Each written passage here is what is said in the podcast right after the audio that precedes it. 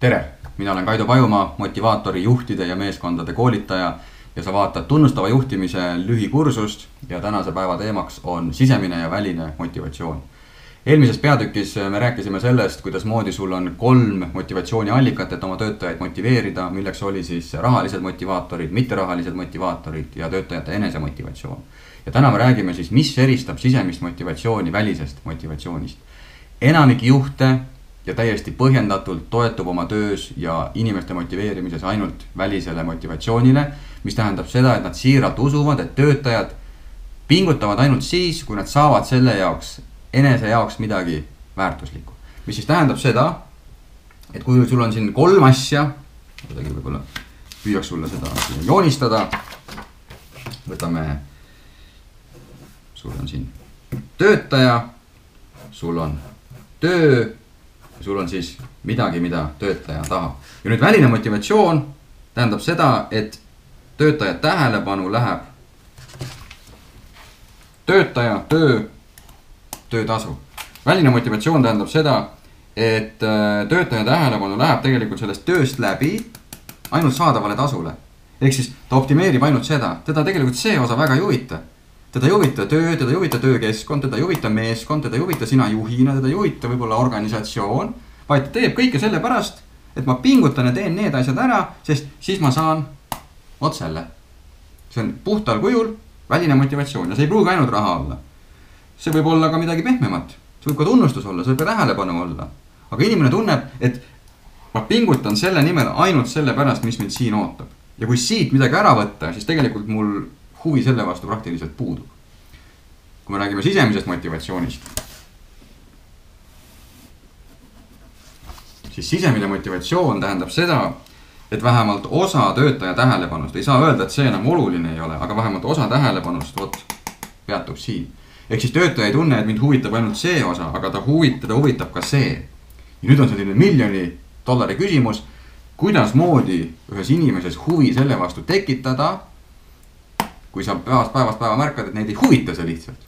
ja vot siin tulevadki sisse siis äh, sisemised motivaatorid, mida tihtilugu juhid isegi ei teadvusta. kõige lihtsamalt võetuna võib öelda, et neid on neli, on neli sisemist motivaatorit, mis kõikidel inimestel olemas on. mul, sul, kõikidel sinu töötajatel. küsimus on ainult selles, kas nad on niinimetatud aktiivsed või nad on kergelt sellises uinunud olekus. ja kui nad on uinunud olekus siis ei töötaja ise ei teadvusta, et need talle olulised on ja juht ka ei teadvusta. ja nüüd, kui nad on uinunud olekus, mis tähendab seda, et ettevõtte kultuur või mentaliteet on selline, et räägitakse ainult rahast, mistõttu töötajad tunnevadki, et ainult raha ongi see, mis mind siin hoiab. ja keegi ei pingutagi juhtide tasandilt, et seda osa atraktiivsemaks muuta, siis ajas see muutubki üldiseks ettevõtte kultuuriks, ettevõtte mentaliteediks. Et me teeme kõike ainult siis, kui te selle kinni maksate. ja need neli sisemist motivaatorit ongi siis punkt üks meeskonnatunne. ma küsin sult niimoodi ja võid oma töötajate baasil korra mõelda, oletame, et sulle pakutakse viieprotsendist palgatõusu. aga selle tulemusena sa pead minema meeskonda, kus sa tead, et on pidev ärapanemine üksteisele, ärategemine, õõrutsemine, tagarääkimine, mitte mingit ühtsustunnet ei ole. koosolekul kõik istuvad, mossitavad, sa lähed kellegi käest midagi küsima, sa saad alati mingisuguse nähvamise sinna vastu. mitte mingit abi pakkumist ei ole, mitte mingit koostööd ei ole aga sa saad kuu lõpus viis protsenti rohkem palka. kas sa läheksid? mina ei läheks. ma ei ole veel koolitusel näinud ühtegi inimene, kes läheks. loomulikult, sest et see viis protsenti ei kompenseeri seda, et ma pean kogu aeg kannatama. mistõttu tulebki mängu juba esimene sisemine motivaator, et see, kas meil on see meie tunne, kas on hea seal meeskonnas olla, on isegi natukene olulisem võib-olla kui väike summa raha. teine sisemine motivaator on iseseisvus äh, autonoomia, otsustusvabadus. võid endalt küsida sama asja, sulle pakutakse natukene palka juurde, aga sind pannakse sellise juhi alluvusse, kes sind absoluutselt ei huvita või ei usalda. Äh, kes teeb kõik ümber, kõik üle, ükskõik mida sa teed, ükskõik kui palju sa omast arust pingutad.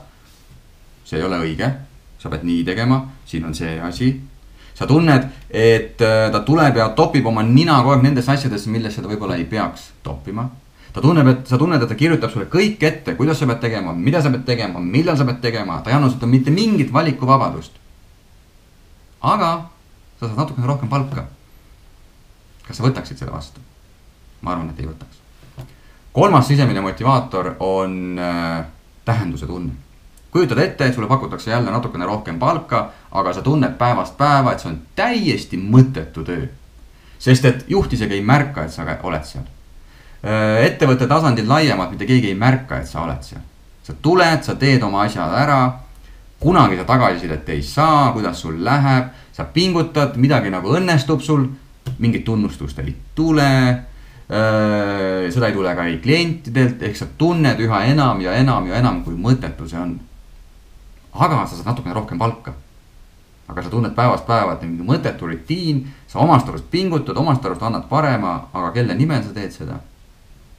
Versus sa jääd sama palga peale, aga sa tunned, et sind märgatakse sulle antakse tagasisidet, tunnustatakse, sind isegi võiks öelda, kõrgendatakse, ülendatakse natukene, sa tunned, et sa oled nagu vajalik sellele ettevõttele. no kuule, come on, nagu kes ei tahaks sellises kohas siis töötada. Ja neljas sisemine motivaator on äh, selline arengutunne või progressitunne või tunne, et ma liigun edasi. jällegi, sulle pakutakse natuke palka juurde, aga sulle öeldakse, et siin sinu areng peatub. sa järgneva, ma ei tea, kümne või viie aasta jooksul ei õpi mitte midagi uut sa ei arene mitte kuhugi. sa teed lihtsalt seda ühte asja. ja kui kiiresti sa tunned, et äh, igav on. aga sa saad natukene rohkem palka. Nii et kui sa niipidi vaatad, siis tegelikult äh, meeskonnatunne on meile oluline. iseseisvustunne on oluline. tähenduslik tunne, tähenduslikkuse tunne on olema, oluline, ehk siis töö mõttetunne on oluline. ja ka see arengutunne on oluline. ei saa öelda jälle, et nad on olulisemad kui raha aga võib öelda, et nad on vähemalt sama olulised